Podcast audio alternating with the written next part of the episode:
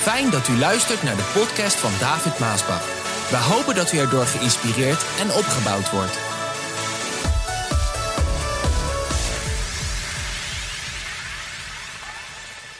We gaan lezen wat er staat in Marcus 1.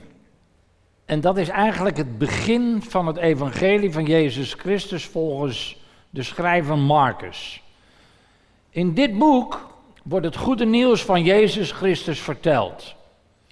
Het is precies zoals geschreven staat in het boek van de profeet Jezaja. Wat staat daar? Luister, ik stuur mijn boodschappen voor u uit om voor u een weg te banen. En ik hoor de stem van iemand die roept in de woestijn. Wat roept die stem? Baan een weg voor de Heer, maak zijn wegen recht. Deze boodschapper was Johannes de Doper.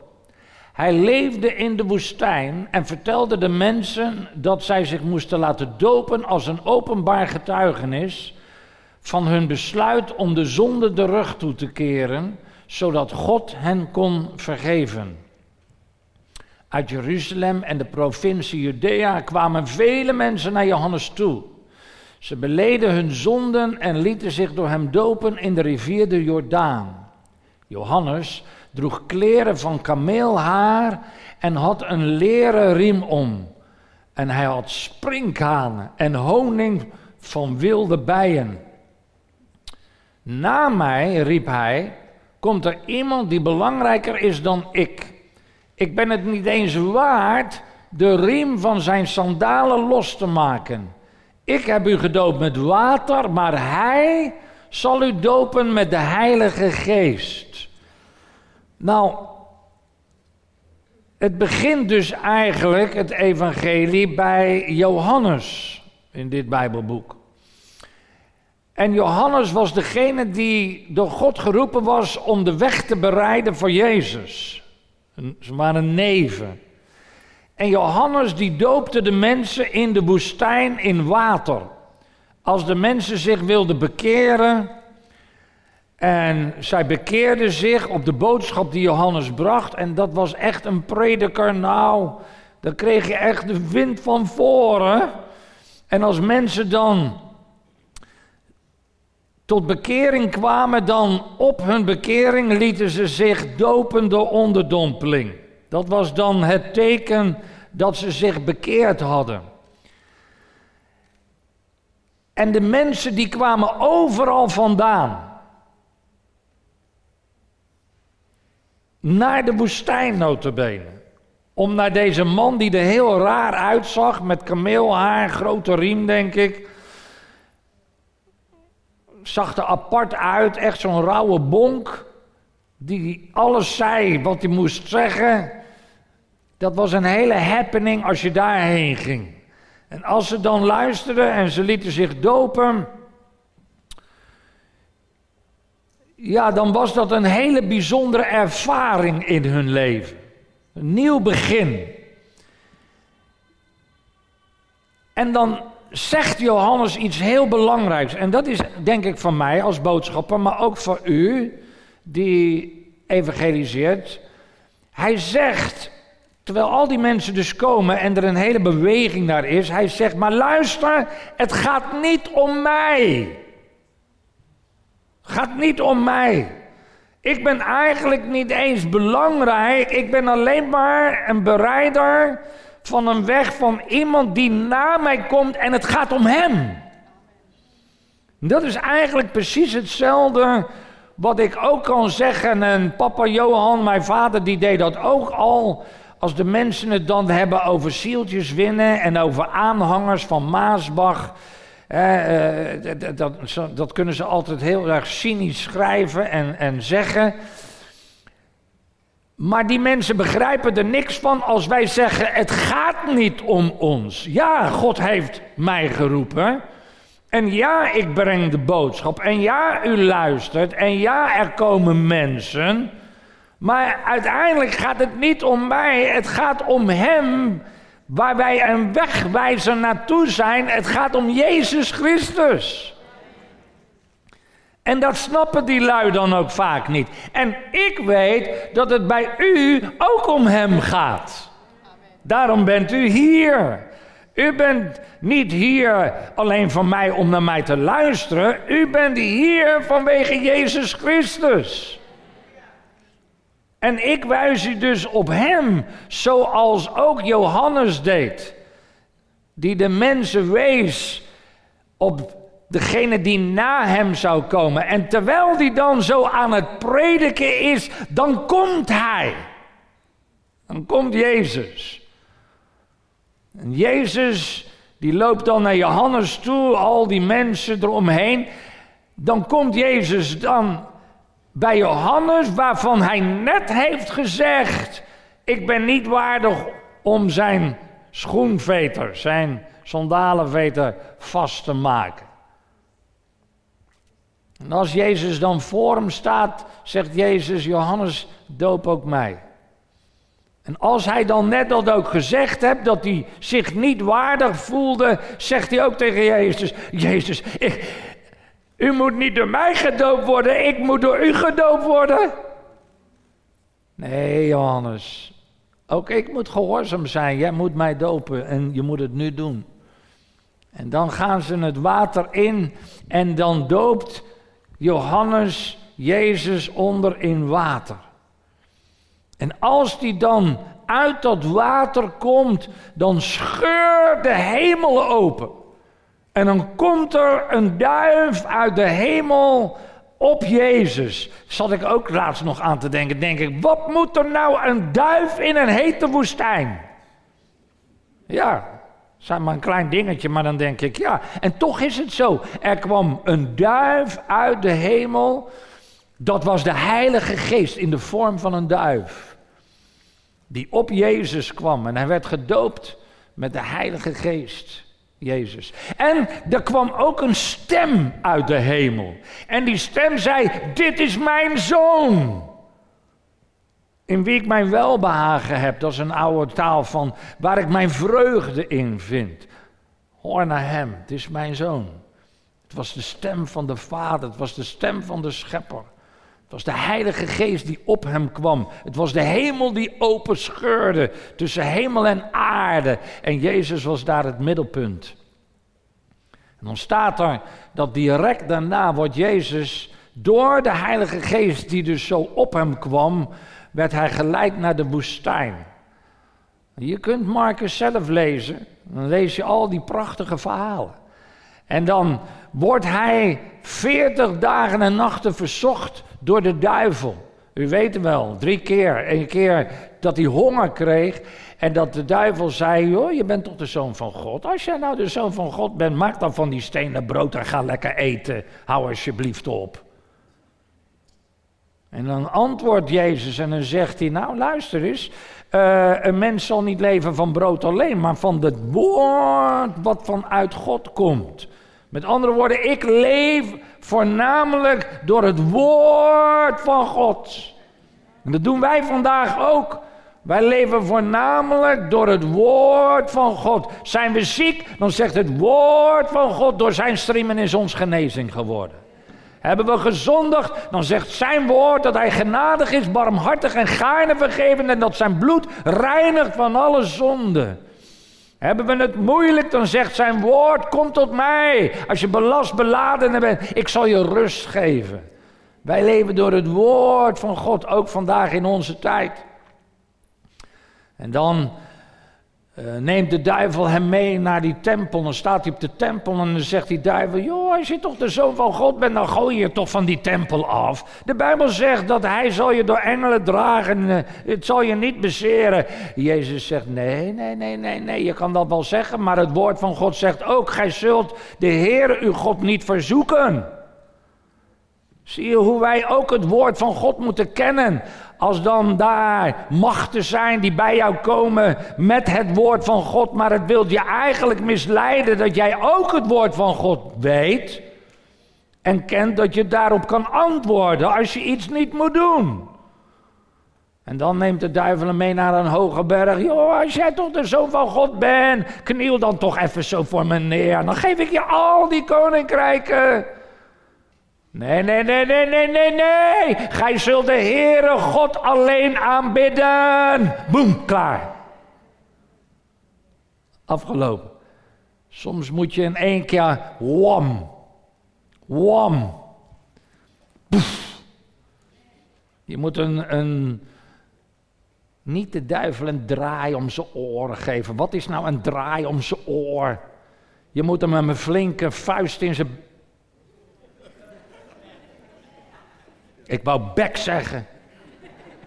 Maar hij heeft ook een bek. Hij is lelijk.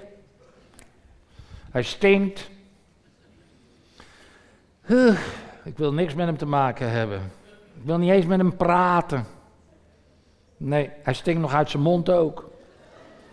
Ja, hij stinkt eigenlijk helemaal. Van top tot teen. Ja, ja, ja, ja, ja. Maar dan kan hij, hij kan, hij kan komen met een heel mooi pak en een lekker geurtje op. Oh ja, een lekker geurtje op. En de haren mooi, netjes. En dat je denkt, oh, wat een mooi. Maar hij stinkt nog steeds als de nacht. Als je hem echt kent.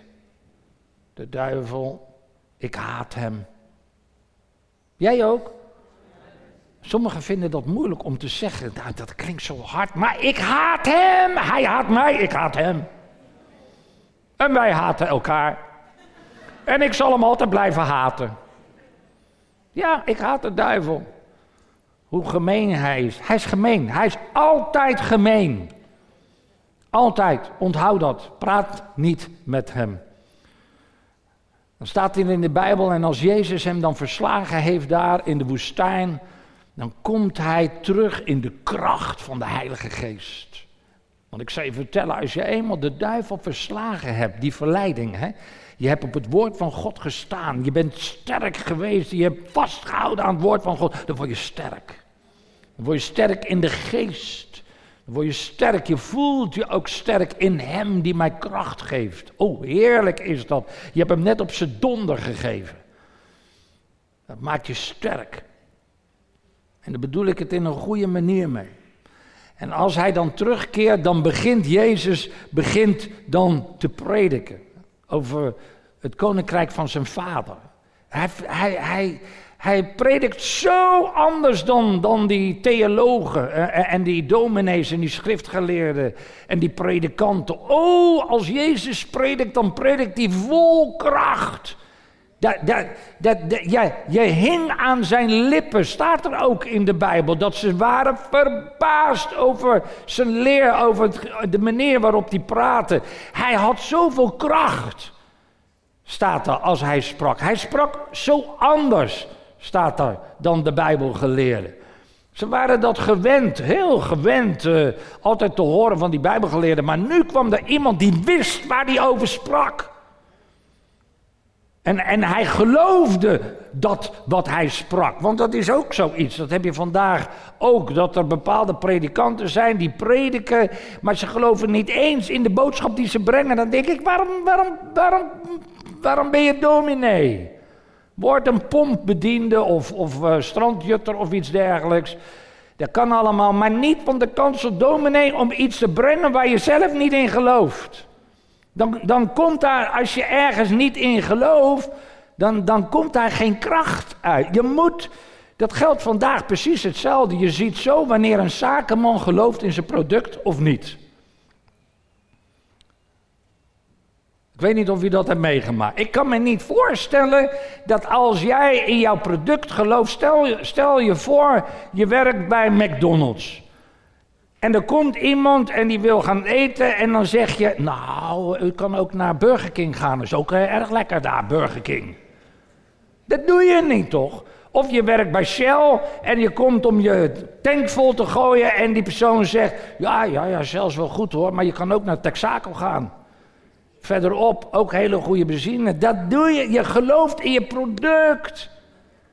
En dan kan je er ook nog eens een keer op aan of je het echt gelooft of dat je het speelt. Nou, lieve mensen, de boodschap die ik breng elke keer opnieuw, ik geloof in de boodschap die ik breng.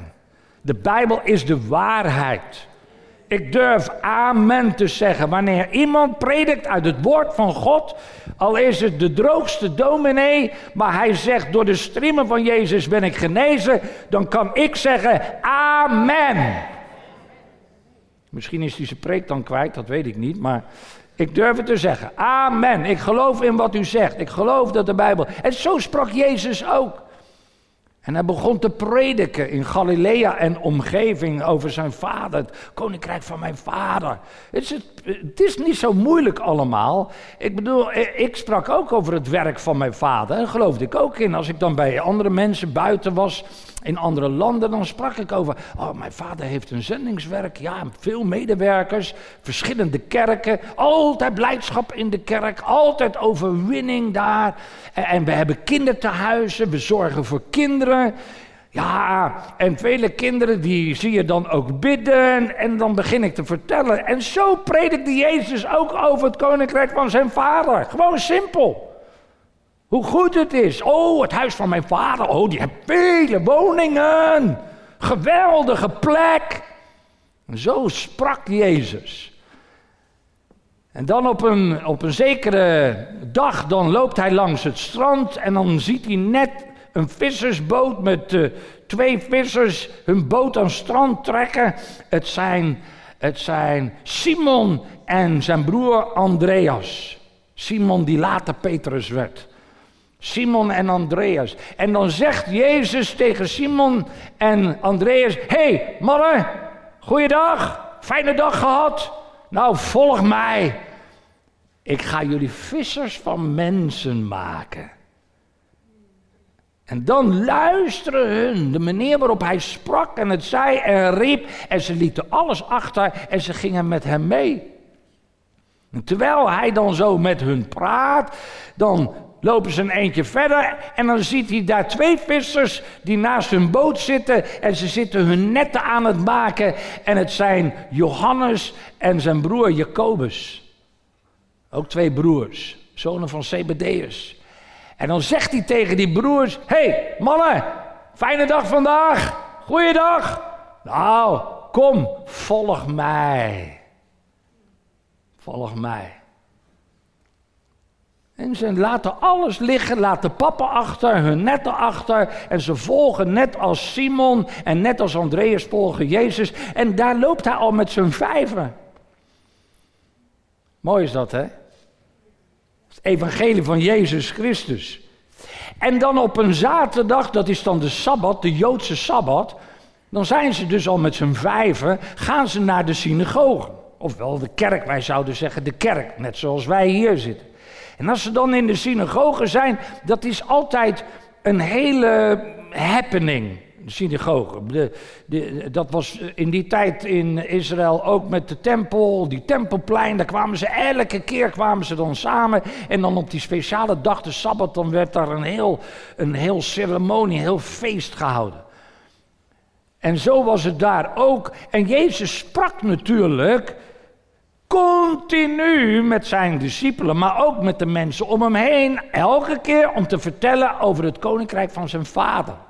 Maar dat deed hij ook daar. Dus als hij dan zo aan het praten is, dan ineens is er een luid geschreeuw, zo'n krijs. Ah! Zoiets. Zoiets.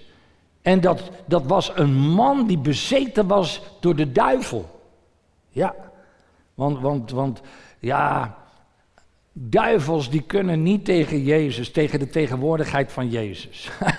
Daar kunnen ze niet tegen die heilige tegenwoordigheid van Jezus Christus, de Zoon van de levende God, de God van Abraham, Isaac en Jacob, de schepper van hemel en aarde.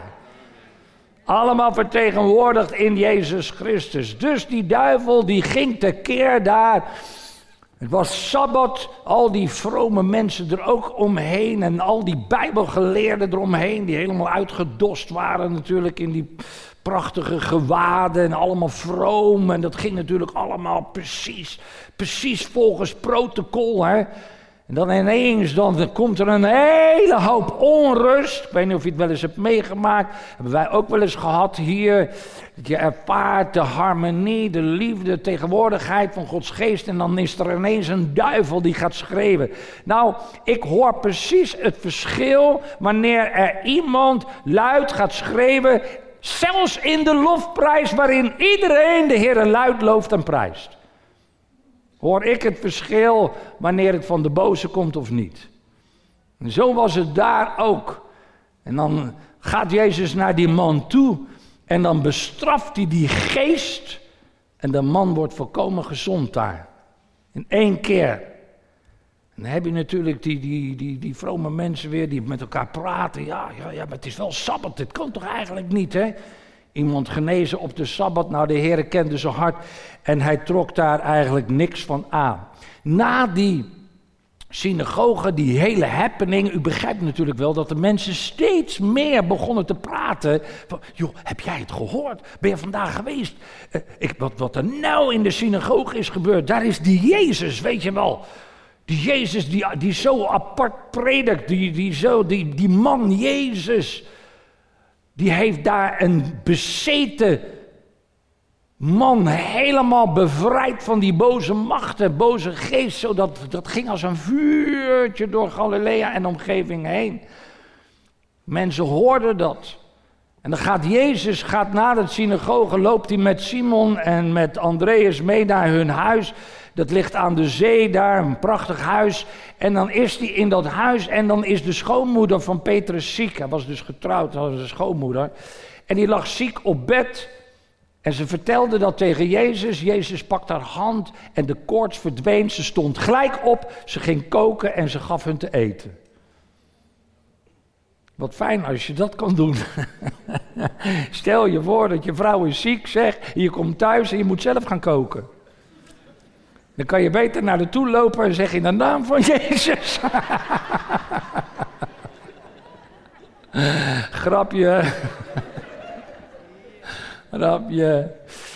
Maar zo was het wel. Ze werd terstond genezen, begon gelijk te dienen en ze ging eten maken. Nou, terwijl dat dus gaande was, was in die hele omgeving het woord over die Jezus, wat er die dag gebeurd is, dat s'avonds kwamen allemaal mensen die hun zieke kinderen, zieke papa, mama, bezeten kinderen, bezeten mensen meebrachten om bij Jezus te komen. En ik begrijp het helemaal. Ik begrijp het als jij een kind hebt die bezeten is door de duivel.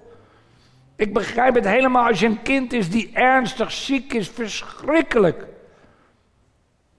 En je weet niet wat je moet doen. En helemaal in die tijd natuurlijk, toen ze nog geen, geen artsen en dergelijke hadden die we nu hebben. Neem een petje af voor de artsen van vandaag en al dat verplegend personeel. Ik zeg het elke keer, die verdienen beter, ze moeten meer verdienen. Laat de overheid ervoor zorgen, alsjeblieft. Geweldig wat we hier in het Westen hebben. Maar dat had je toen allemaal niet. Je kind ging gewoon dood. Dus ah, dat was een strohalm. En ze gingen naar Jezus, want hij gaf hoop. Hij genast, hij bevrijdt, hij, hij geneest. Er was een lied wat wij onlangs gezongen hebben. En ik vond het een heerlijke melodie en, en, en mooie woorden. En terwijl ik aan de boodschap bezig was, was ik aan het luisteren naar Maasbach Radio en ik hoorde dit lied wat we hier onlangs zongen. En toen schreef ik de woorden op Waymaker. Waymaker, promise keeper, miracle worker, light in the darkness. That's who you are. Deze boodschap moet ook heten dat is wie u bent. Ja, dat is wie u bent. Hij is een waymaker. Hij is een promise keeper. Hij is een miracle worker. Hij is light in the darkness. That's who my God is. Halleluja. Ja, dat maakt mij enthousiast. Dat maakt mij enthousiast, lieve mensen. Hij deed dat continu. En de Bijbel zegt, hij is niet veranderd. Hij is dezelfde gisteren, vandaag en tot in eeuwigheid. Hij is nog steeds de waymaker. Hij is nog steeds de promise keeper. Hij is nog steeds de miracle worker. Hij is nog steeds de light in the darkness. Halleluja. That's who you are. You are my God. Oh, dat is degene die ik ontmoet ook in het huis des Heren. En als er dan dingen zijn, dan, dan dat dit is het woord van God waar wij naar leven. Hij maakt de weg waar geen weg is. Heeft in het verleden ook gedaan. En zo gaat het continu door dat Jezus, hij bracht hoop. Wat heerlijk als je vandaag mensen hebben, hebben en ook predikers die hoop brengen. Wat heb ik aan een, aan een droge boodschap waar ik niks aan heb? Ik moet zelfs als het slecht nieuws is, dan moet daarin dat slechte nieuws hoop zijn. Licht in de duisternis. En er is vandaag heel wat slecht nieuws. Heel wat problemen, heel wat moeilijkheden. En dat moeten we ook benoemen. En ik ben zeker de man die dat ook altijd benoemt. Maar daarin is ook licht. Daarin is ook een antwoord. Ik ben dan ook iemand die altijd hoop brengt. Luister, hoop is heel belangrijk. Hoop, hoop is eigenlijk dat ondanks de omstandigheden, dat je verwacht dat er een, toch een goede uitkomst is. Als je niet meer kan verwachten dat er een goede uitkomst is uit de situatie, dan is er geen hoop meer. Vandaar dat het spreekwoord zegt: waar leven is, is hoop.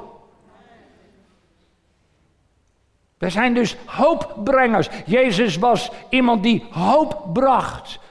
En als hij dan zo aan het spreken is en het weer zo druk is, al die mensen luisteren naar hem en hij bracht hoop in de duisternis.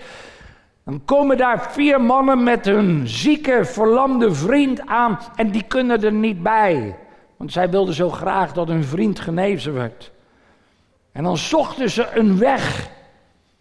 Ze zoeken een weg om bij Jezus te komen, maar het was veel te druk, kon er niet bij. En dan gaan ze naar het dak toe en dan halen ze tegels, want dat was zo in die tijd. En trouwens, nog steeds heb je van die platte daken.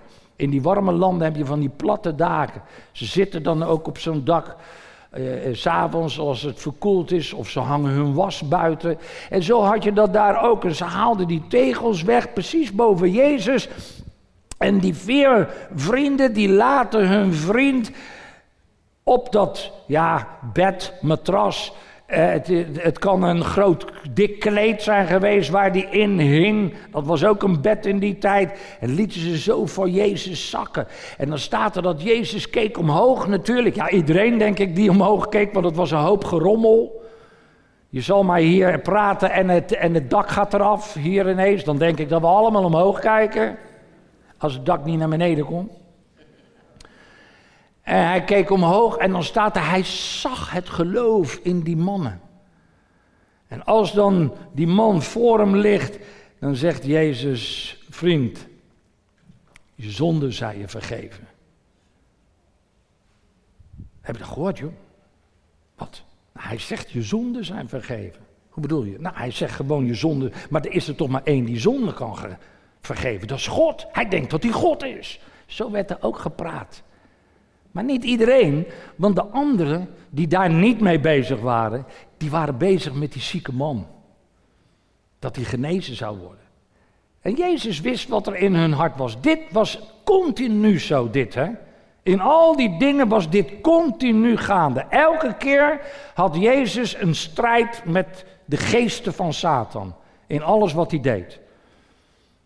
Maar Jezus, hij ging er niet op in. Hij zegt, nou, om te laten zien dat ik zonde kan vergeven, zeg ik je nu ook op, neem je bed op, sta op en wandel. En de man werd terstond genezen. Hij nam zijn matras op, wat het dan ook was, en hij ging weg en hij wandelde en hij was blij. En de anderen die begaan waren met zijn ziekte, waren ook blij. Heerlijk is dat. Er was alleen een volkje wat niet zo blij was. Maar die waren bezig met iets heel anders. Ja, en zo gaat het eigenlijk dan door. Eigenlijk kan ik wel, ik kan hier zo tot morgen, overmorgen, het ene verhaal maar het andere vertellen hoe Jezus de wonderwerker is. En de promise keeper. Als Jezus dan uit de synagoge gaat en hij is dan met zijn uh, vier discipelen inmiddels, dan komt hij langs een tolhuis. Daar zit Levi, die later Matthäus werd. En alles wat Jezus tegen die Levi zegt, hij zegt, sta op en volg mij. Alles wat hij zei. De Bijbel zegt, Levi stond op, liet alles achter en volgde Jezus. Dat was een tollenaar, dat was geen visser, dat was dus van een hele andere slag. En toen, waren ze al met, uh, met vijf, toen was hij al met vijf discipelen. En dan vlak daarna, dan stelt hij er twaalf aan. En dan komt hij ergens weer in de synagoge. Inmiddels groeit dat. U begrijpt hoe dit gaat. Het groeit. Uh, uh, het woord gaat steeds verder. Wat, uh, wat voor wonderen die allemaal deed. De prediking was steeds verder. En inmiddels waren die Bijbelgeleerden zo op hun kievieven dat ze echt zochten: hoe kunnen we hem pakken? Want dit, dit willen we niet over onze kant laten gaan. En toen kwam hij in de synagoge. Toen dachten ze: als hij nou iets doet, dan kunnen we hem pakken. En ja hoor, er was een man met een verschrompelde hand. En Jezus wist al wat hij dacht. Kijk, als je de Heilige Geest binnenin je hebt, dan weet je eigenlijk al wat bepaalde mensen denken. Want je hoort die geest denken. En, en dan zegt hij tegen die lui, hij zegt nou wat is nou, uh, we zijn in de synagoge, we zijn in de kerk, we zijn in de tegenwoordigheid van God, zouden we vandaag zeggen. Wat is nou goed? Zullen we nou vandaag goed doen of niet goed doen? Alleen al zo'n vraag. Hè? Als ik nou nu zou zeggen: Oké, lieve mensen, zullen we nou vandaag goed doen? Echt goed doen of niet? Nou, je kan natuurlijk geen nee zeggen. Want wat bedoel je als je nee zegt? Slecht doen dan? Nee, natuurlijk niet. En helemaal wij niet in de kerk. Nee, we moeten goed doen. Hij zegt, nou, omdat we dan goed moeten doen, kom jij eens hier. Steek je hand eens uit. En hij stak zijn verschrompelde hand uit. De Heer raakte hem aan en hij werd terstond genezen. Dat is goed doen. Ja, natuurlijk, die mensen hebben altijd wel wat te zeggen. Er zijn mensen die altijd wel wat te zeggen hebben. Of je nou goed doet of niet goed doet. Voor die mensen doe je het nooit goed. De enigen die goed zijn, zijn zij die stinken ook. Ja. Ah. Prachtig hoe de Heer Jezus eigenlijk dan telkens die wonderen doet. En ook vandaag, lieve mensen, Hij leeft. Hij is in ons midden. Als het goed is, is Hij ook in jouw leven, in jouw huwelijk, in jouw gezin. En mag je geloven dat hij de grote waymaker is. Dat hij de grote promise keeper is. Degene die zich houdt aan beloften. Dat hij de grote miracle worker is in jouw leven, jouw huwelijk, jouw gezin, jouw zaken. Onze gemeente hier, ons werk. Wat voor boodschap heb ik anders? En dat Hij de light in the darkness is, het licht in de duisternis. Dat Hij in mij woont en dat ik daardoor ook een licht ben in de duisternis. Dat de mensen aan mij kunnen zien, ik en mijn huis. Ik wil de Heer dienen. Amen. Amen.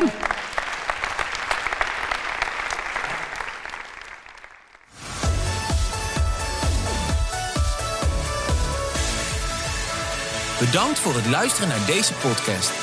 Wilt u meer preken beluisteren? Ga dan naar message.maasbachradio.com. Bezoek ook eens onze website www.maasbach.nl